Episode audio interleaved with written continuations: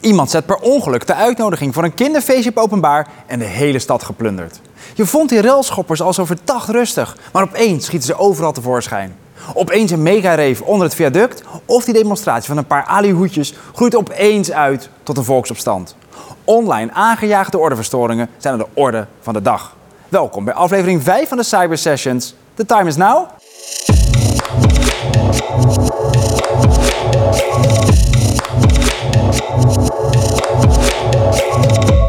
Online aangejaagde ordeverstoringen komen in deze roerige tijden steeds vaker voor. Het gaat bijvoorbeeld om onrust rondom politieke besluiten, oproepen tot demonstraties, illegale evenementen en het versterken van tegenstellingen tussen inwoners. Ze beginnen online, onder de radar en poppen opeens op. Of kleine opstootjes kunnen door social media van een mug ineens een olifant worden. Deze online oproepen vragen om een andere aanpak en brengen een verschuiving van werkzaamheden en competenties met zich mee. Zoals elke aflevering bespreken we de risico's op de weg, wie zit er aan het stuur, welke richting te nemen en de wegenwacht. Waar kun je hulp krijgen? En we sluiten af met een samenvatting en concrete tips om aan de slag te gaan. Waar navigeer jij morgen heen? En dat doe ik niet alleen, maar dat doe ik met Ronald Wortelboer, burgemeester van Stedenbroek en cyberburgemeester. En met Marieke Verhagen, projectleider cyberveiligheid bij het regionale samenwerkingsverband Noord-Holland Samen Veilig. Ja, fijn dat je er zijn. Ehm, je bent al de tweede cyberburgemeester uit Noord-Holland die we hebben. Jullie hebben er veel. We nemen het onderwerp ook uiterst serieus. We hebben er zelfs drie. Je hebt er zelfs drie. Kijk, helemaal mooi. Uh, uh, Marieke, jij bent van het regionaal samenwerkingsverband Noord-Holland Samen Veilig. Is dat hetzelfde als de veiligheidsregio? Nee, dat is het niet. We werken wel allemaal aan een veilige eenheid, maar de veiligheidsregio houdt zich echt bezig met fysieke veiligheid. Dan heb je het over crisisbeheersing. En binnen Noord-Holland Samen Veilig kijken we naar de politionele kant. Dus werken we samen met politie en OM aan sociale veiligheidsvraagstukken. Een beetje hetzelfde als de Veiligheidsalliantie eh, in Rotterdam-Rijnmond? We hebben collega's die werken bij de Veiligheidsalliantie Rotterdam en de Veiligheidscoalitie Midden-Nederland. Ja. Kijk. En zo hebben we er nog een aantal. Uh, Ronald, wat voor online ordeverstoringen heb je zo in Stedenbroek gehad? Van klein naar bijna heel groot. Uh, klein, dat was in de tijd van corona. We hadden op een gegeven moment fakkeloptochten. En uh, nou ja, goed, die hebben we eigenlijk gewoon maar een beetje door laten gaan. We hadden ook bijna een heel groot incident. Dat begon ook heel klein. In een notendop uh, in een winkelcentrum waren er traditionele Sinterklaasversieringen. Iemand nam daar aanstoot aan, de winkeliers haalden het weg. Vervolgens kreeg je een soort sympathieoproep op social media. Nou, dat leek nog redelijk onschuldig. Dat ontplofte op een maandagochtend qua aantallen enorm. Was ook een oproep om allemaal op een bepaald moment verkleed als Zwarte Piet naar dat winkelcentrum te komen. Het leek erop alsof er honderden, misschien wel duizenden mensen zouden komen. Daar zijn we toen langzaam met de initiatiefnemer over in gesprek gegaan.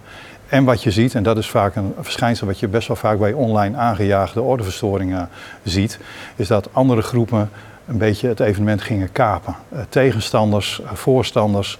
Ja, en dan wordt het spannend. En dan weet je dus ook niet meer wat er gaat gebeuren. En dat is wel een moment dat we gedacht hebben, nou wordt het serieus en nu moeten we echt gaan nadenken over wat we gaan doen. Nou hebben we, we hebben natuurlijk hè, uh, ordeverstoringen, we kunnen ze zien aankomen, we moeten monitoren op beducht zijn en opeens kunnen zijn, dan moeten we ingrijpen. zijn dat twee totaal verschillende werelden of is het eigenlijk hetzelfde?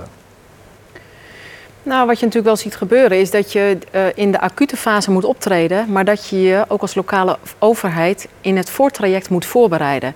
Dus het zijn niet twee verschillende werelden, ze liggen in het verlengde van elkaar, maar het een heeft het ander wel nodig. En dat is ook wel waarom we nu zeggen: ga met online, online aangejaagde ordeverstoringen, een hele mond vol, aan de slag en bereid je daarop voor. Want de wereld is niet alleen meer fysiek en traditioneel. We zitten online. De samenleving zit online, de burgers zitten online. En als overheid moeten we ons daar dus ook bewegen. Ja. Nou, denk, uh, dit is natuurlijk heel nieuw uh, online aangejaagde ordeverstoringen. Maar uh, ja, sinds de invallen van de huurgenoten hebben we toch ordeverstoringen gehad. Toevallig gaat het nu via Twitter in plaats van via de krant. Nou en?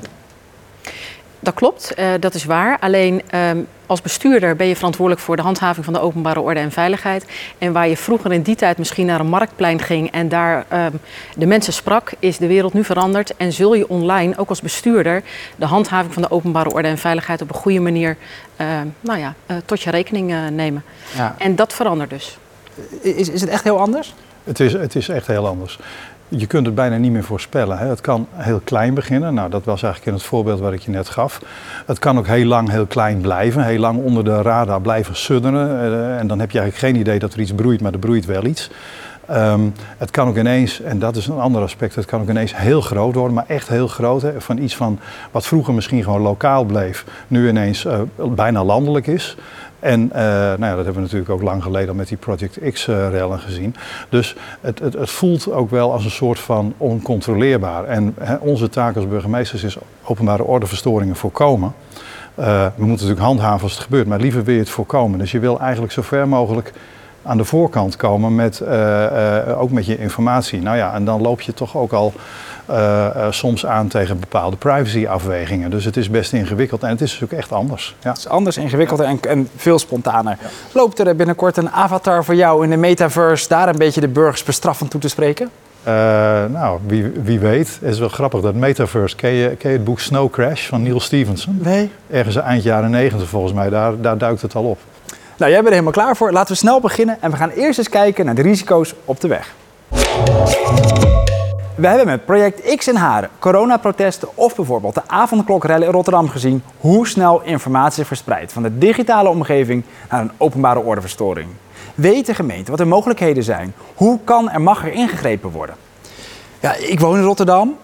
Opeens stond de ME voor de deur. Het was echt beangstigend. Gaan we dat vaker zien? Of was dat even alleen in de coronatijd? Nou, ik hoop het niet. Kijk, uh, het invalshoek van ons als burgemeesters is proberen aan de voorkant te komen. Dus proberen aan de preventieve kant te zitten. Du moment dat het feitelijk gebeurt, ja, dan zit je toch in een andere situatie. Gaan we meer ordeverstoringen zien die online zijn aangejaagd? Of is het alleen maar, we krijgen even ordeverstoringen, maar dan online aangejaagd? Nou, het kan eigenlijk niet anders. Hè. Als je kijkt naar hoe wij met elkaar leven tegenwoordig, dan leven wij online en digitaal. Uh, waar je vroeger de fysieke samenleving had met een jeugdhonk en allerlei fysieke zaken in de openbare ruimte, uh, leeft de mens tegenwoordig achter zijn scherm en digitaal. Dus dat de online aangejaagde ordeverstoringen toe gaan nemen, eh, dat kan haast niet anders. Maar ook gewoon vroeger ging een onruststoker op het, dorp staan, op het dorpsplein irritant ja. staan doen. Nu zit hij gewoon lekker achter het toetsenbord op Twitter te roepen. Nou en? Nou, dat is heel erg vervelend, omdat je nog steeds als bestuurder bijvoorbeeld verantwoordelijk bent voor de openbare orde en veiligheid.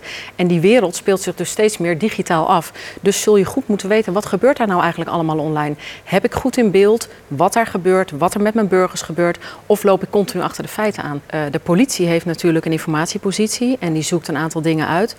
Maar waar we nu staan is dat gemeenten eigenlijk onvoldoende weten wat er uh, qua informatiebeeld gebeurt. Dus hoe meer mensen er sociaal uh, online actief zijn, hoe meer je daar grip op wil hebben. En dat is een risico wat wij nu zien, dat je daar uh, je echt op moet voorbereiden. Dus je informatiepositie als gemeente moet gewoon veel steviger, zodat je hiermee om kunt gaan. Uh, is het pas uh, jouw pakje aan als inderdaad het van de, offline wereld, van de online wereld naar de offline wereld gaat? Of ook als er echt consternatie is op een social medium, heeft dat een, ben je ook verantwoordelijk? Uiteindelijk wel, maar dat, dat, sluit aan bij wat ik net zei. Hè. Je probeert eigenlijk preventief iets te, te, doen. Dus des te eerder je het weet, des te, des te, makkelijker, uh, des te makkelijker is het. Um, alleen, wanneer weet je iets? Hè? Er zijn bepaalde manieren uh, waarop je erachter kunt komen. En in een, uh, ik merk bijvoorbeeld onze gemeenschap, onze gemeente is niet zo heel erg groot. Dus vanuit, vanuit, vanuit de samenleving krijg je ook al vaak signalen van nou, er gebeurt daar online dit of dat. Um, soms komen signalen via de politie binnen, soms via op een andere manier. Op metaniveau probeer je natuurlijk ook wel te monitoren. Je, probeert te kijken, zijn er bepaalde trends, zeker naar bepaalde gebeurtenissen toe. Dus je probeert vooral die informatiepositie op een goede manier op orde te hebben, zodat je eerder erbij kunt zijn. En dat maakt dit ook zo ontzettend ingewikkeld. En we zijn natuurlijk al vanaf 2018 bezig, hè, nou misschien nog wel wat eerder, als overheid om te kijken wat zijn nou je bevoegdheden, wat zijn je verantwoordelijkheden, wat is er formeel geregeld en wat zou eigenlijk wenselijk zijn in deze wereld. En ik denk dat we daarom ook vandaag bij elkaar zijn om te laten zien, het is heel complex, het is niet zo makkelijk en het antwoord op dit soort vragen is dus ook niet heel erg makkelijk. Um, ik hoorde staatssecretaris Van Huffelen van de week zeggen. Uh, de online wereld is eigenlijk het wilde westen op het moment. En dat maakt me niet somber, maar wel pessimistisch. Hey, en dan is er ergens een digitaal aangejaagde ordeverstoring. Komen allemaal mensen bij elkaar. Dan pakt natuurlijk iedereen zijn telefoon. Gaat filmpjes maken. Uh, agenten filmen en aan de digitale schandpaal nagelen. Dan kan het opeens nog veel groter worden. Als er eenmaal iets kleins is, komen er opeens nog veel meer risico's bij. Die kans is natuurlijk groot. Hè? Je ziet heel vaak een multiplier effect daarbij, dat klopt. Ja, dat denk ik wel. Aan de andere kant denk ik, vroeger gingen mensen stiekem in een kelder een plan tot een opstand zitten bedenken. Nu doen ze dat op Twitter, kan de politie gewoon lekker meelezen. Het is ook een stuk makkelijker om het aan te zien komen, toch? Nou ja, dat is maar de vraag. Hè. Dat is de vraag, wat zijn de bevoegdheden? Wat is juridisch mogelijk? En wat mag de politie? En is daar de capaciteit voor, de beschikbaarheid? Dus eh, ik weet niet of dat zo makkelijk te beantwoorden is op deze manier of dat kan. Heb jij een beter beeld of een slechter beeld dan vroeger wat er leeft onder je onderdanen? nou, ik zou ze geen onderdanen willen noemen, onze inwoners. Ehm, ja, weet je, de burgemeester eh, loopt ook veel rond in zijn, gemeente. Dus je, je hoort ontzettend veel.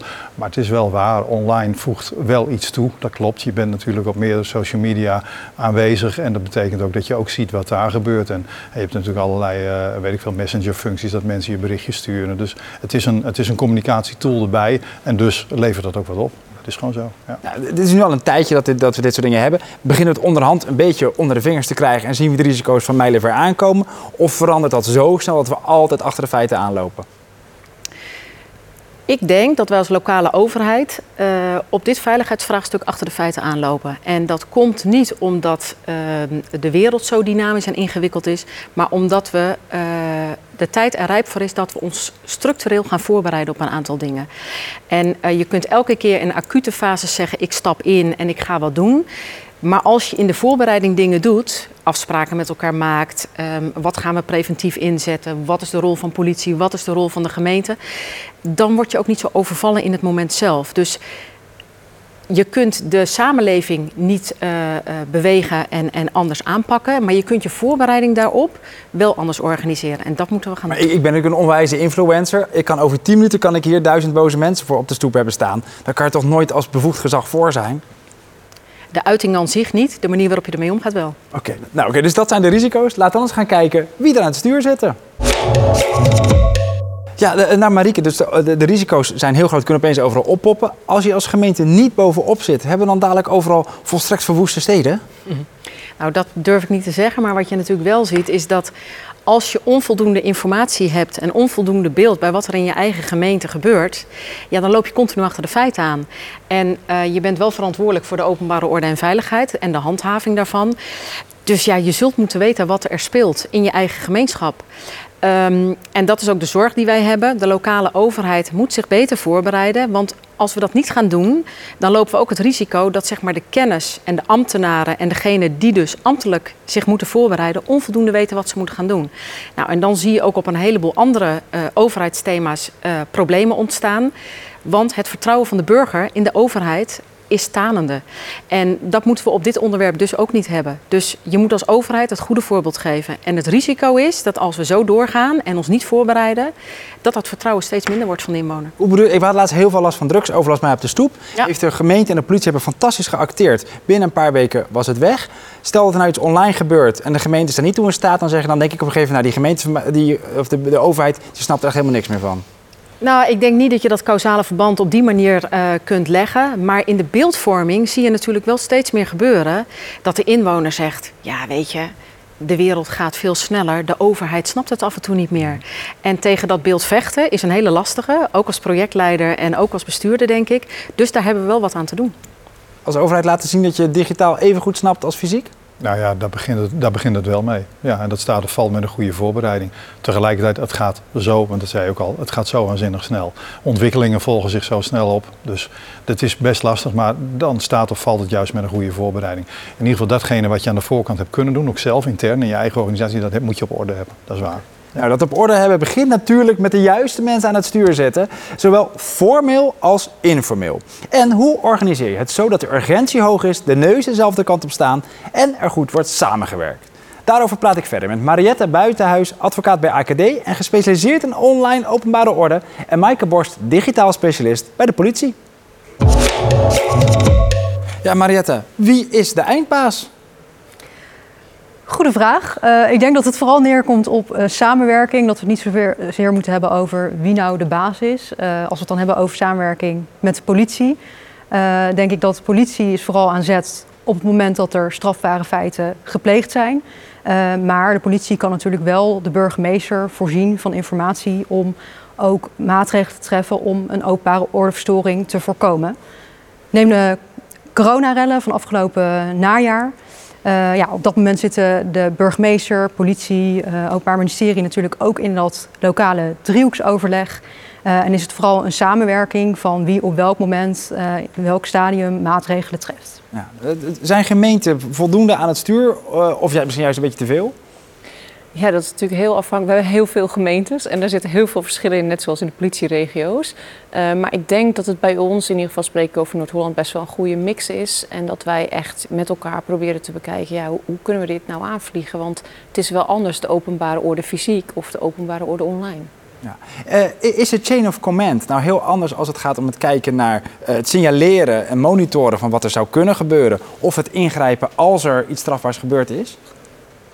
Ja, de burgemeester is echt uh, wettelijk pas, uh, volgens de wet pas uh, aan zet op het moment dat er sprake is van een openbare ordeverstoring of dat die dreigt te worden verstoord. als je het dan over online hebt, zal er om echt maatregelen te treffen wel een link moeten zijn ook met een fysieke plaats. en als je nog daarvoor zit, dan blijf je toch een beetje in het preventieve met voorlichting, in gesprek gaan met mensen. maar is de burgemeester nog niet echt aan de beurt. Uh, als er iets groots dreigt te gebeuren, op een gegeven moment ga je de burgemeester bellen, er komt de openbare ordeverstoring aan. Doe je dat sneller bij een online aangejaagde ordeverstoring? Nou, weet ik niet. Ik denk dat wij inmiddels ook bij de politie al wat jaren ervaring hebben online, gelukkig. Dus wij kunnen redelijk goed inschatten, hè, wordt dit echt serieus of is dit zomaar iets wat geroepen wordt? Want dat, er wordt heel veel geroepen op het internet. Um, en dat we daar inderdaad goed met elkaar in gesprek zijn van oeh, dit is wel een dingetje waar we op moeten letten, want er komt iets op ons af. En daar moeten we naar blijven kijken. Jij zegt net al, er moet echt wel een, link met het fysieke zijn, de openbare orde. Uh, het digitale dorpsplein, wordt daar geen orde gehouden door iemand? Ja, eh, natuurlijk wordt dat soms eens gedaan. Hè. Soms worden wij als politie door burgers benaderd van... hé, wat hier gebeurt is echt niet oké. Bijvoorbeeld, je noemde hem net al op Twitter... wordt er wel eens wat geroepen, wordt er soms wel eens bedreigd. Nou, dan wordt de politie bijvoorbeeld ook getagd. En dan beoordelen wij, ja, is dit strafbaar? Eh, wordt er een aangifte gedaan en treden wij op?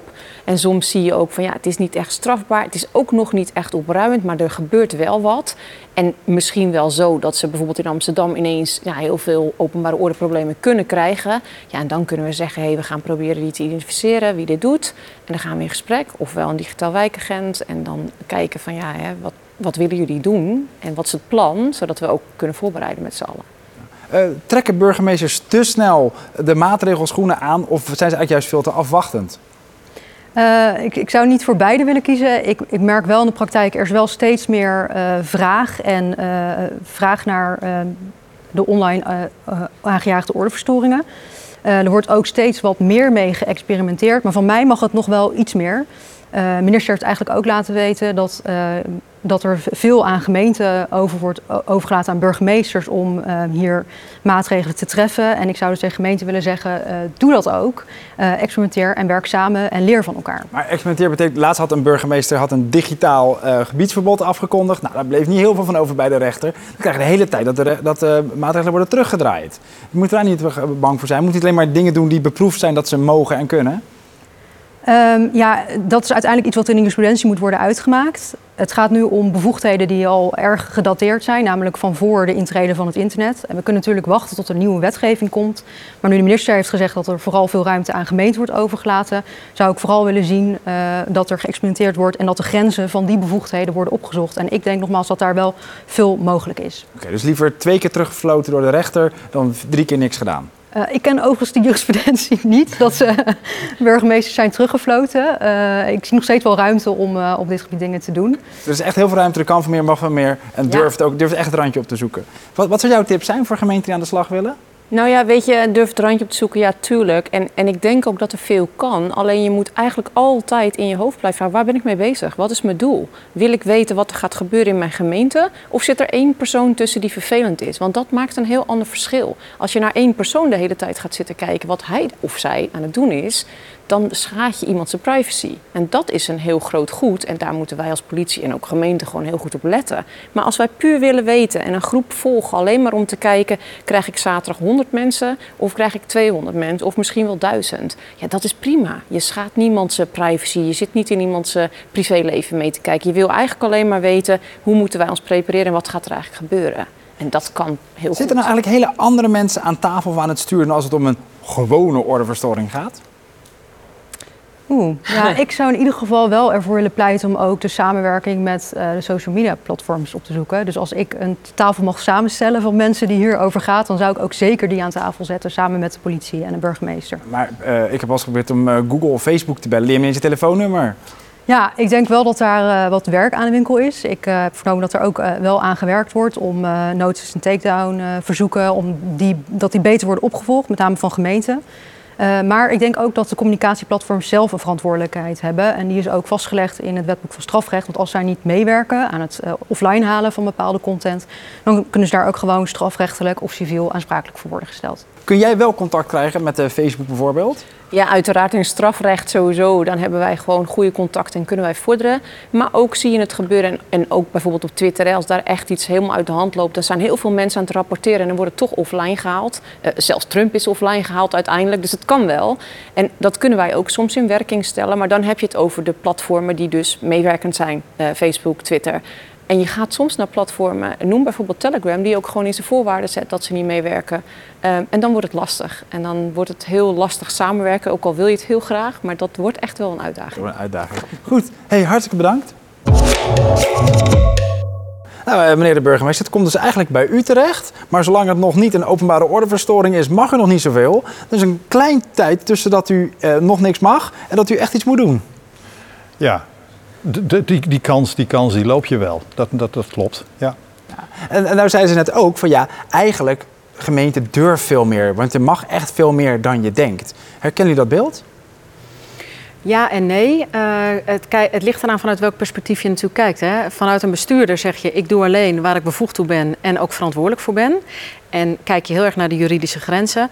Als je kijkt naar de adviseurs daaromheen en de ambtelijke organisatie, daar is het natuurlijk wel aan om daar een beetje mee, nou te spelen is niet het goede woord, maar wel te kijken hoe kun je de grenzen zo nu en dan oprekken, zodat we ook jurisprudentie met elkaar maken en ook zien welke bestuurlijke bevoegdheden nou wel kunnen en niet kunnen. Maar dat je dat vanuit verschillende perspectieven bekijkt, ja, dat is wel een hele duidelijke. Dat er zo nu en dan binnen overheidsland, en dat is niet alleen lokaal, maar ook op rijksniveau en op heel veel andere terreinen, wat meer durf en lef mag zijn. Dat zou sowieso mogen. Dat zal ik op persoonlijke titel uh, Jaap zeggen. nou, zei net ook al, van, ja, het kan heel snel escaleren. Dan heb je natuurlijk niet de tijd om eens na te vragen... jongens, wie gaat hier eigenlijk over? Is er, heeft u een panic button op uw bureau... dat dan iedereen in één keer weet wat hij moet gaan doen? Gelukkig wel, want in feite, eh, een crisis is een crisis. Hè? Dus uh, er, zijn, uh, is een veelheid van crisis, die beoefenen we ook. En als dit gebeurt, is het er één van. Dus dat is wel zo de eigenaardigheid bij dit soort dingen is wel, je hebt ook heel veel informatie nodig over wat online gebeurt. Daarom is die voorfase ook zo belangrijk. Ja, het wordt een beetje uh, een, pla- een, naald in een groef, maar daar moet je daar, daarom moet je daar juist in investeren. Kijk, ik heb ook wel wat andere dingen meegemaakt die op zich niet op een ordeverstoring uitdraaiden, maar die wel heel veel aandacht gingen, gingen trekken. Ja, wat je op een gegeven moment dan wel doet, is dat je in je gemeentehuis een teampje aan tafel hebt. En dan heb je bijvoorbeeld een digitale wijkagent zitten, heb je mensen van onze organisatie zitten.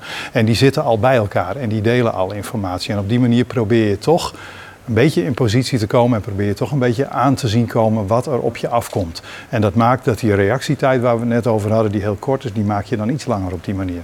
En er, gebeurt wat. Jullie verzamelen elkaar in de war room onder het stadhuis. zitten er dan, natuurlijk dan zit dan de digitale wijkagent in plaats van de gewone wijkagent aan tafel.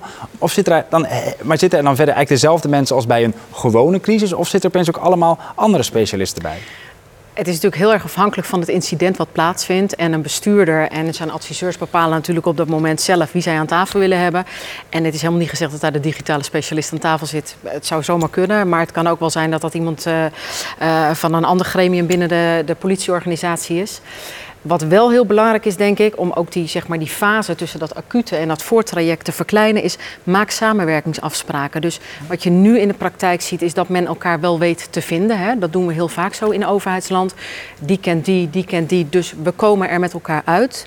Maak een protocol waarin je zegt: in de samenwerking is die organisatie aan zet op dat punt, die organisatie heeft de regie daarop, zodat op het moment dat je in de acu acute fase zit, je direct kunt schakelen en daar in ieder geval niet, geen ruis meer over hoeft te hebben. En, en daar staan we nu wel voor aan de lat met elkaar. Wel, welke organisatie of persoon of deskundigheid vergeten we vaak aan tafel te zetten en denken we achteraf: pff, die hadden we erbij moeten hebben?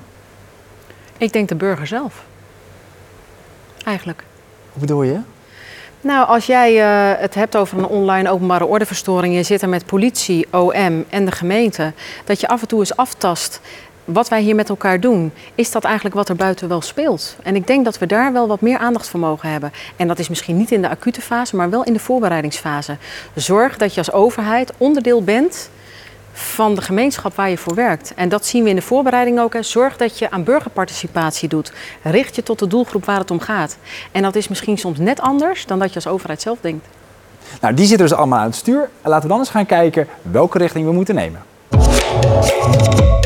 Ieder nadeel heeft zijn voordeel. Omdat er meer online aangejaagde ordeverstoringen zijn, zijn er ook meer ervaringen mee opgedaan. Het heeft ons geholpen met de vraag welke richting moeten we nemen. We kijken hierbij zowel naar het monitoren, het zorgen dat je weet wat er speelt, als het ingrijpen en verstoren. Zorgen dat het niet gaat gebeuren of niet verder escaleert.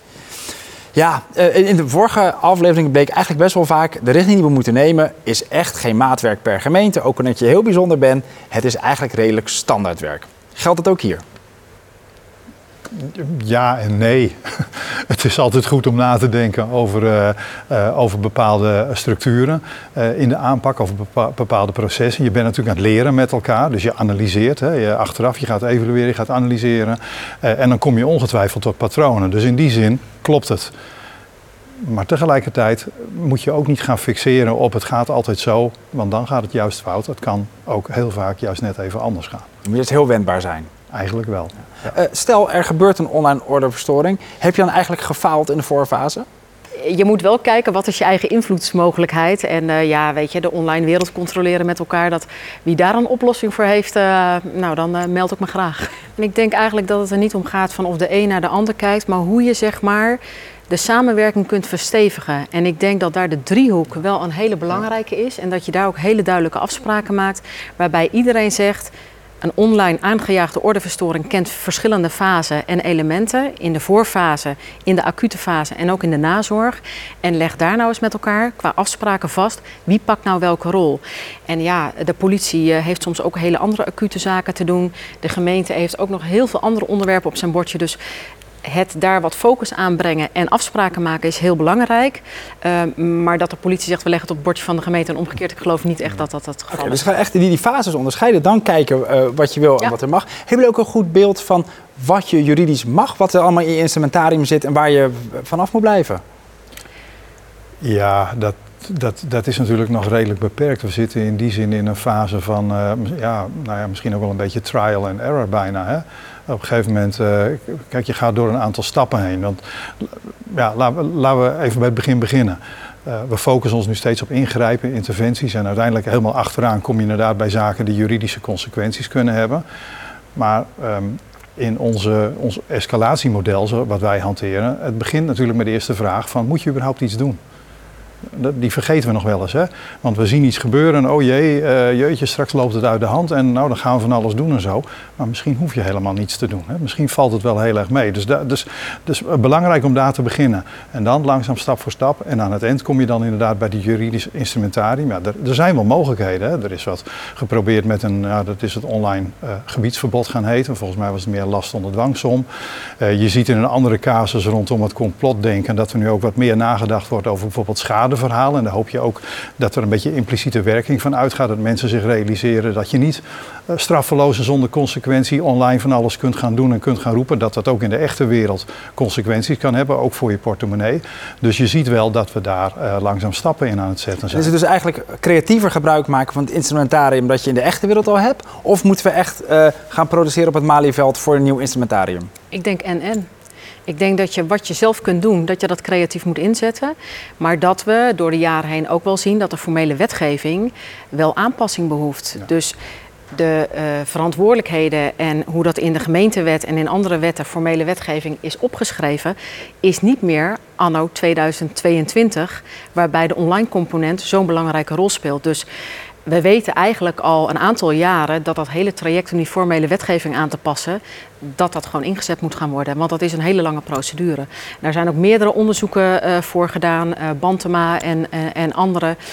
Um, waarbij ik ook nu wel vind, we moeten daar nu echt iets mee. En, en ehm, ik, ik zag toevallig recent dat de APV-aanpassing uh, ook mogelijkheden gaat bieden. Dat daar in uh, Oost-Nederland nu uh, onderzoek naar gedaan is. Dat is hartstikke mooi, dat is lokale wetgeving. Maar ik denk echt dat we dit samen moeten doen, ook met het Rijk. En dat betekent dat de formele wetgeving aangepast moet worden in een soort van modern jasje anno 2022. Oké, nou stel er gaat echt wat gebeuren of er is wat aan het gebeuren. Wat, wat is dan eigenlijk je focus? Wil je vooral zorgen dat er geen gebouwen sneuvelen of ruiten? Wil je vooral zorgen dat de railschoppers worden opgepakt? Of wil je het, wat wil je bereiken? Ja, het liefst wil je natuurlijk bereiken dat, het, dat je helemaal niet zo ver komt. Dat is precies waar deze hele exercitie voor bedoeld is. Ook met je informatie, uh, met je informatie delen en zo. En als er dan iets gebeurt, ja, dan is er natuurlijk altijd het overheidsoptreden altijd gericht op uh, het deescaleren, zorgen dat mensen niet gewond raken en zorgen dat je schade voorkomt. Maar dat is in wezen niet heel veel anders dan bij rellen of incidenten die op een andere manier ontstaan. En jullie partners in de driehoek of de veiligheidsregio, hebben ook die, die dezelfde focus en hebben jullie eigenlijk, gaan jullie met hetzelfde doel voor ogen aan de slag? heb je het daarover gehad met elkaar? Nou, dat zijn dus zaken die we in de driehoek uh, uh, gezamenlijk adresseren. En daar, moet, daar moet dus geagendeerd worden. Wordt bij ons ook geagendeerd en daar hebben we het ook over met elkaar. Dat klopt. Ja. Uh, er staat iets te gebeuren. Is het dan bij jullie echt goed geoefend, goed getraind, dat je allemaal gewoon weten welke doelen we hebben en dan jullie alleen maar over de, de middelen hoeven te gaan hebben? Zitten jullie op, op dat niveau dat het zo het kan altijd beter. Dus uh, als je het hebt over de kennis en de capaciteit en uh, waar staan we met elkaar, dan uh, hebben we een bepaald basisniveau. Maar dat basisniveau dat kan echt een stukje hoger. Dus ik denk dat het samen verkennen en leren van elkaar via een leerkring of webinars of andere zaken extreem belangrijk is om dat basisniveau naar boven te krijgen. Oké, okay, nou laten we dan eens kijken naar welk instrumentarium we kunnen inzetten. Jullie hebben een interventiekaart gemaakt. Wat vind ik daar al zo op? Nou, eigenlijk um, is het een soort van menukaart die we gemaakt hebben voor gemeenten. Van als er nog geen formele wetgeving is, die is toegespitst op de huidige tijd. Uh, kijk dan eens wat je creatief wel zou kunnen doen. Hè? En uh, burgemeester gaf het net al aan. Een van de opties is niets doen. Want een aantal dingen waait ook gewoon over. Uh, maar je kunt ook um, bestuurlijk en op communicatief gebied een heleboel dingen inzetten in het voortraject. Dus je kunt het gesprek aangaan met de burger. Je kunt de digitale wijkagent inzetten. Um, je kunt uh, communiceren als bestuurder via de online wereld, via een filmpje. We weten natuurlijk allemaal het voorbeeld van Abu Taleb, die uh, dat natuurlijk op een hele eigen manier doet. Dat soort voorbeelden, ja, dat is van deze tijd. En um, als je daar zelf niet op komt, maak dan gebruik van zo'n interventiekaart. Want dan kun je gewoon de stappen doorlopen en denken: hé, hey, er is hier wat aan de hand. Hoe ga ik me daarop voorbereiden? Voorbereidersgemeente. Want we kunnen het natuurlijk niet allemaal alleen. We hebben best veel gemeenten. En de ene gemeente heeft uh, uh, 150.000 inwoners en de andere gemeente heeft er uh, 16.000. Je moet samen zorgen dat je naar voren kunt, want de online wereld houdt zich niet aan geografische grenzen. Wat doen jullie met die interventiekaart? Die, uh, die, die gebruiken we. Die hebben we eigenlijk ook een beetje eh, helpen vullen hè, met onze ervaring. Want die interventiekaart is gebaseerd op datgene wat we in het land, in de regio, maar in het land ook hebben opgehaald, gezamenlijk. En uh, er zitten dus ook heel veel dingen in die uh, aantoonbaar goed hebben gewerkt in de praktijk. Hè. Bijvoorbeeld het, het, het identificeren van iemand die online een initiatief neemt. Vervolgens een volgende stap is van nee, je zou met zo iemand in gesprek kunnen gaan. Gedaan. Um, en dan schuif je bij, wijze van spreken een soort van preventief al op naar een verdere fase. Dat je iemand meeneemt in goh, wat jij aan het organiseren bent. Er zitten een paar risico's aan. En denk erom, dit en dat en dat moet je heel goed geregeld hebben. Heb je dat niet gedaan, dan komt dat misschien in beeld. En dan komt langzaam misschien wel dat juridisch instrumentarium in beeld. Als je in gesprek kunt komen met iemand, nou, dan kun je misschien tot een resultaat komen. En dat is dus ook in een aantal gevallen gebeurd. Dat iemand ook heeft gezegd, nou ik haal de oproep uh, online weg. Uh, ik ga zeggen van het gaat niet door, uh, blijf allemaal thuis moet je natuurlijk toch nog afwachten, nog wel even blijven monitoren of inderdaad ook iedereen wegblijft. En dan moet je nog steeds plan for the worst. Hè. Blijft ook iedereen thuis. Maar goed, in die zin heeft die interventiekaart wel een aantal hele nuttige, verstandige stappen. En die lijken een beetje volgtijdelijk te zitten. Hoeft ook niet per se. Hè. Daar kun je wat mee, mee spelen en schuiven. En is, is het eigenlijk altijd een goede tip voor de burgemeester om eerst de burgervader te zijn en dan met politie en justitie te gaan werken? Nou, je, je, bent beide. Je bent altijd burgervader en tegelijkertijd ben je ook van de handhaving uh, van de openbare orde. Dus die, die twee dingen die gaan uh, samen. Die twee dingen zitten in dezezelfde jas. Helemaal mooi. Uh, jij wil nog wat aanvullen? Nee, eh, wat ik, ik ben over die interventiekaart aan het nadenken en ik bedacht me net opeens wat heel belangrijk is, is dat je ook als gemeente of als bestuurder gebruik maakt van je lokale actoren die een belangrijke rol spelen. Als jij weet dat je een voetbalclub in je gemeente hebt waar heel erg naar geluisterd wordt, zorg dan dat via die voetbalclub uh, opgeroepen wordt om te stoppen met rellen, bijvoorbeeld. Uh, want dan zie je dat misschien jij als bestuurder niet die invloed hebt, maar dat je door je netwerk wel dingen voor elkaar krijgt. Nou, en dat zijn wel dingen die ook in zo'n interventiekaart staan. Dat ik denk, nou, doe er je voordeel mee als gemeente en uh, zet het in op het moment dat nodig is. Hey, jullie noemen een paar keer de digitale wijkagent. Hoe belangrijk is die voor jullie? Extreem belangrijk. Um, als projectleider kan ik zeggen dat we nou ja, aan de voorkant met de politie samenwerken. En de politie uh, heeft natuurlijk op heel veel thema's uh, capaciteit en inzet nodig. En nou wil het mooie dat de eenheid Noord-Holland echt behoorlijk veel digitale wijkagenten heeft. En daar zijn we heel erg dankbaar voor, want dat zijn de wijkagenten met het nieuwe jasje aan. Die zien wat er online gebeurt en ons helpen bij nou, wat we gaan doen en aan maatregelen gaan nemen. Kijk, nou helemaal mooi. En gelukkig hebben we er twee hier in de studio. We hebben Gies En Femke Slaats. Femke en Gies, jullie zijn digitaal wijkagent. Wat doen jullie dan op een dag? Ja, wat doen we op een dag? Wij zijn uh, online natuurlijk actief. Uh, we zijn op zoek naar uh, de criminaliteit die online plaatsvindt. Maar wij zitten ook nog gewoon rechtsvoor in de noodhulp. Waar zoek je dan? Uh, we zijn nu met openbare orde, uh, bijvoorbeeld met de boerenprotesten en zo, zijn wij online bezig om sfeer uh, te, te, af te tasten, hoe de sfeer online is.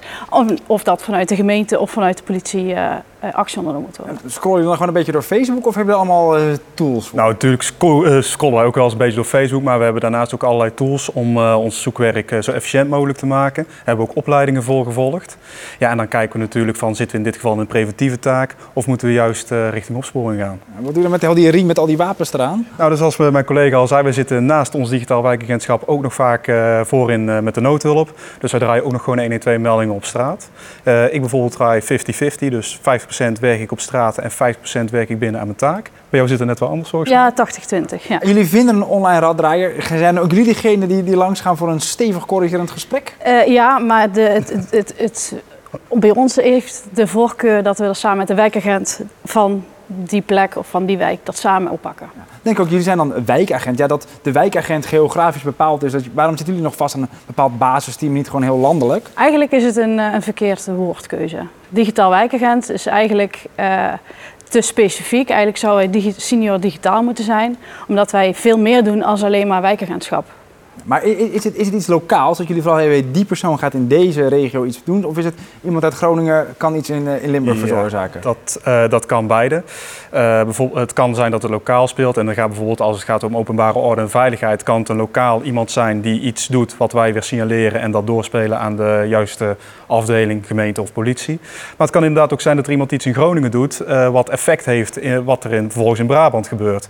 Ja, dan hebben wij het landelijk netwerk digitaal wijkagenten waarmee wij uh, schakelen om dat op te pakken. Hey, en wat kunnen de gemeenten bieden allemaal komen halen? Um, wij kennen de pappenheimers. Wij hebben kennis, maar wij weten ook welke stappen te ondernemen als er bijvoorbeeld stappen feit wordt gepleegd online. Ja. Maar ik denk ook, een boef die online iets te vinden is door jullie, is geen hele, is geen hele slimme railschopper. nee, maar uiteindelijk beginnen we allemaal een keer. Hè? En door fouten te maken leer je. Ja. Dat geldt ook voor hen. Ja. ja, ja, ja. Hey, wat verwachten jullie eigenlijk van gemeenten? Wat, wat dat die doen om jullie werk mogelijk te maken? Uh, korte lijntjes. Uh, maar ook uh, mocht er bijvoorbeeld een protest in de gang zijn of een demo en ze hun zien iets, dat daar gewoon heel snel over gecommuniceerd kan worden. Ja. Zijn die lijntjes een beetje oké? Okay? Jazeker. als ik voor mijn eigen baas, die Maasland, mag spreken. wij hebben twee gemeentes die wij bedienen. En die gemeentes zijn zich zeer bewust van ook hun preventieve taken en weten ook zeker de politie te vinden als, als het nodig is. Zit over uh, tien jaar de helft van, het, uh, van de politiekorps achter de computer? Uh, dat, zou, dat zou een hele mooie streefmissie zijn. Maar ik hoop wel dat we daar de helft van, van weten te halen. Maar het is nog wel een veranderslag, ja. Maar goed, met alle roepen uit de politiek voor meer blauw op straat, dat is nooit meer blauw achter de computer. Nee, maar online kun je ook op straat zijn, alleen dus op een andere manier. Helder. Nou, heel veel succes met het veilig houden van onze digitale straten. En dan de Wegenwacht. Waar kun je meer informatie vinden en wie kun je bellen als je er even niet uitkomt? Nou, ook hier zijn de VNG en het CCV jouw partners in crime. Ik spreek daarover met Juri Vig, adviseur online aangejaagde ordeverstoringen bij het CCV. En met Shanna Fontaine, beleidsadviseur digitale veiligheid bij de VNG. Nou eh, ja, CCV of VNG, wie moet ik eerst bellen? Ehm, via mij kom je ook bij de VNG uit. Oké, wat kan ik jullie allemaal halen?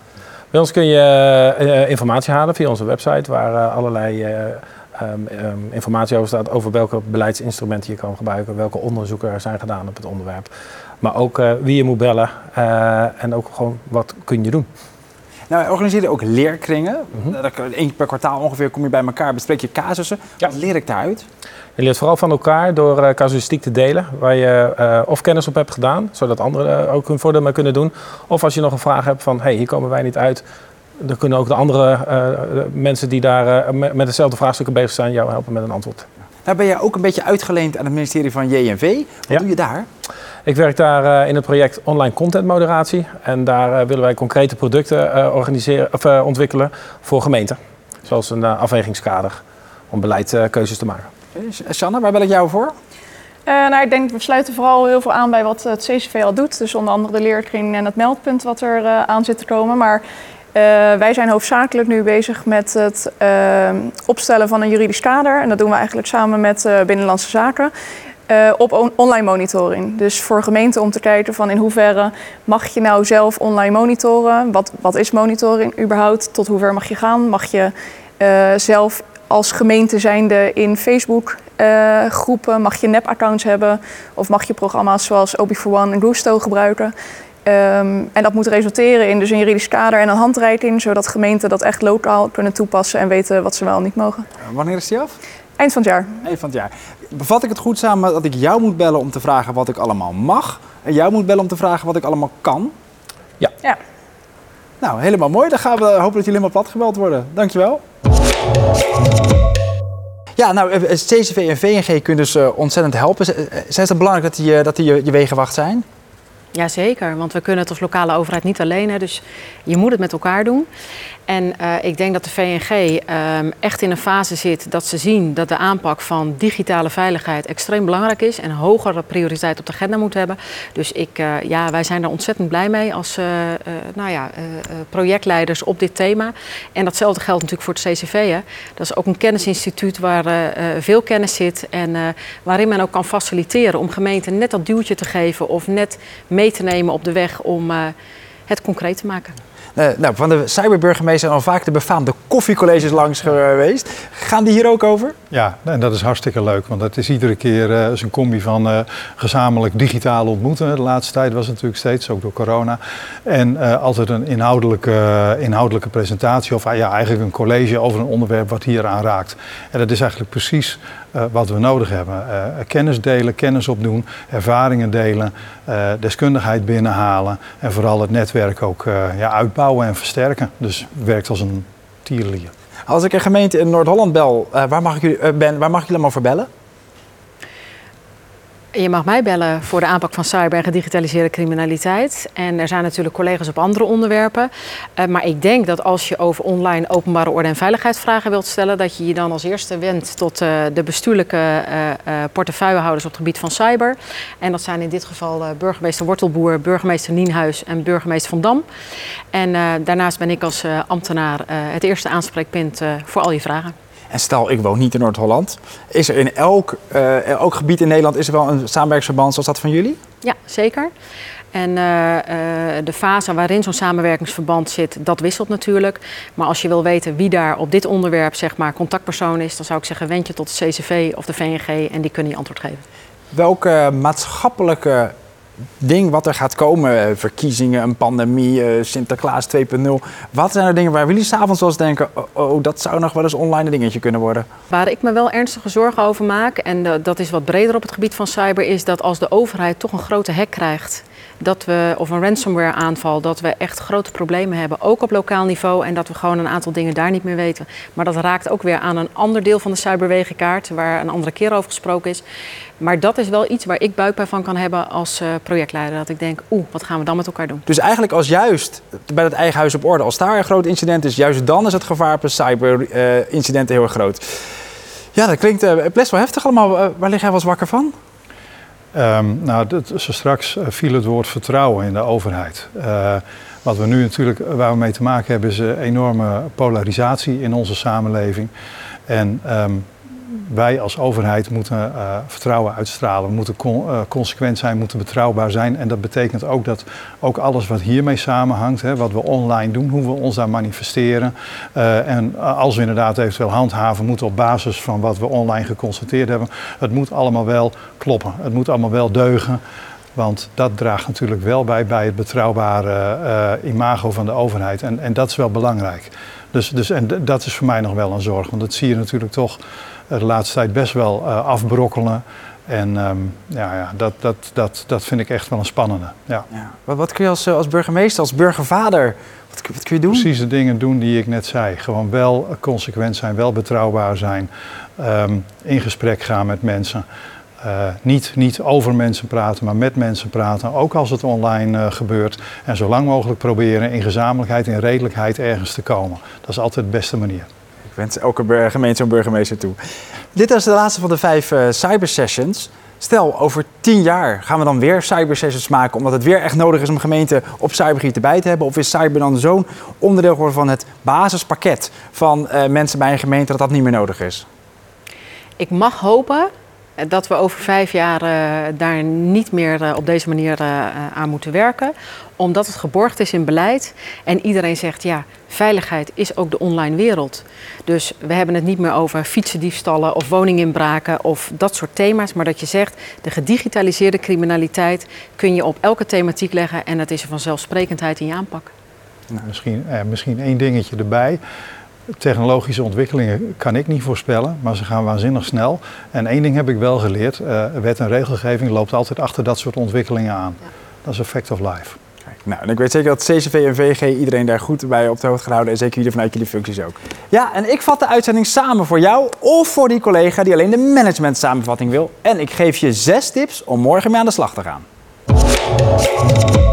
Kortom, de gevaren kunnen opeens op de weg staan. Gemeente en politie worden regelmatig geconfronteerd met ordeverstoringen die online beginnen of online versterkt worden. Het kan heel snel gaan, overal gebeuren en met van alles te maken hebben. Wie zit er aan het stuur? Gemeenten die daar geen goed zicht op hebben, zitten op de bijrijderstoel, maar kunnen niet sturen. Schuif een plekje op en pak stevig het stuur in handen. Zo kan de burgemeester fysieke en bestuurlijke instrumenten inzetten ter voorkoming van openbare ordeverstoringen. Welke richting moeten we nemen? Gemeenten moeten weten welke interventies ze kunnen inzetten. Van communicatief tot aan bestuurlijke instrumenten rondom toezicht en handhaven van de online wereld. Gemeenten moeten adequaat in kunnen spelen op wat zich online afspeelt en voor offline ordeverstoringen kan zorgen. Het gebruik van de driedeling signaleren, klassificeren en maatregelen helpt gemeenten bij het ingrijpen gericht op het voorkomen en beheersen van openbare ordeverstoringen. Het volgen van wat er online speelt helpt om meer zicht en inzicht te krijgen op acute en snelle berichtgeving om bestuurlijk te kunnen reageren.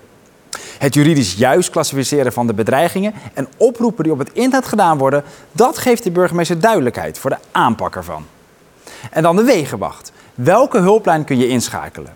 Weet je niet goed waar je moet beginnen of je wil gewoon een sparren? Bel, app of mail het CCV of de VNG. Zij denken graag mee en kunnen je in contact brengen met organisaties of projecten die helpend zijn in jouw gemeentelijke aanpak. Tot slot geef ik je zes tips om morgen aan de slag te gaan. Tip 1. Stel voor je eigen gemeente een lokaal protocol online monitoring vast. In hoeverre zijn jullie online actief en hoe beleg je dit in de organisatie? Overleg dit met onder andere de afdelingen OOV en communicatie. Gebruik hiervoor het landelijk protocol dat eind van het jaar wordt verwacht. Tip 2. Ga in gesprek met gemeenten die al eerder last hebben gehad van online aangejaagde ordeverstoringen. Leer van elkaar. Tip 3. Gebruik bestaande interventiekaarten van bijvoorbeeld Noord-Holland Samen Veilig om te beslissen welke interventie past bij jullie lokale situatie. Deel je een video van de burgemeester online, laat je de wijkagent langsgaan of zet je een noodbevel in. Tip 4. Gebruik het juridisch kader om wat je online aantreft te klassificeren als ongewenst, onrechtmatig of illegaal. Want dat is de basis voor wat je verder mag en kunt. Het CCV-webdossier is je handleiding. Tip 5. Doe mee met de CCV-leerkring. Daar bespreek je echte cases om meer grip te krijgen op het thema. Tip 6. Bespreek eens met de driehoek wat jullie gezamenlijke uitgangspunten, doelen en mogelijkheden zijn. Hoe zien jullie elkaars taken en bevoegdheden? Maar ook, wat wil je bereiken als er online onrust ontstaat? Als er dan wat aan de hand is, ken je elkaar en kunnen jullie gelijk aan de slag met doelgerichte maatregelen en rent niet iedereen een andere kant op. En dan de pro-tip: voer het gesprek ook eens met bijvoorbeeld je huisadvocaat, telecomproviders of vervoerders. Want als de digitale vlam in de pan slaat, heb je echt geen tijd voor een gezellig kennismakingsgesprek op hoofdlijnen. Nou, dit was alweer de laatste aflevering uit deze serie. Alle afleveringen kun je nu terugkijken, in zijn geheel of per onderdeel. Wil je de aflevering nog eens terugkijken, meer weten over de achterliggende documenten of voorbeelden, of de speciale management samenvatting opzoeken voor je collega bestuurder die nog overtuigd moet worden? Ga dan naar hetccv.nl of vng.nl slash cybersessions. VNG en CCV staan voor je klaar om je op weg, verder of uit de brand te helpen.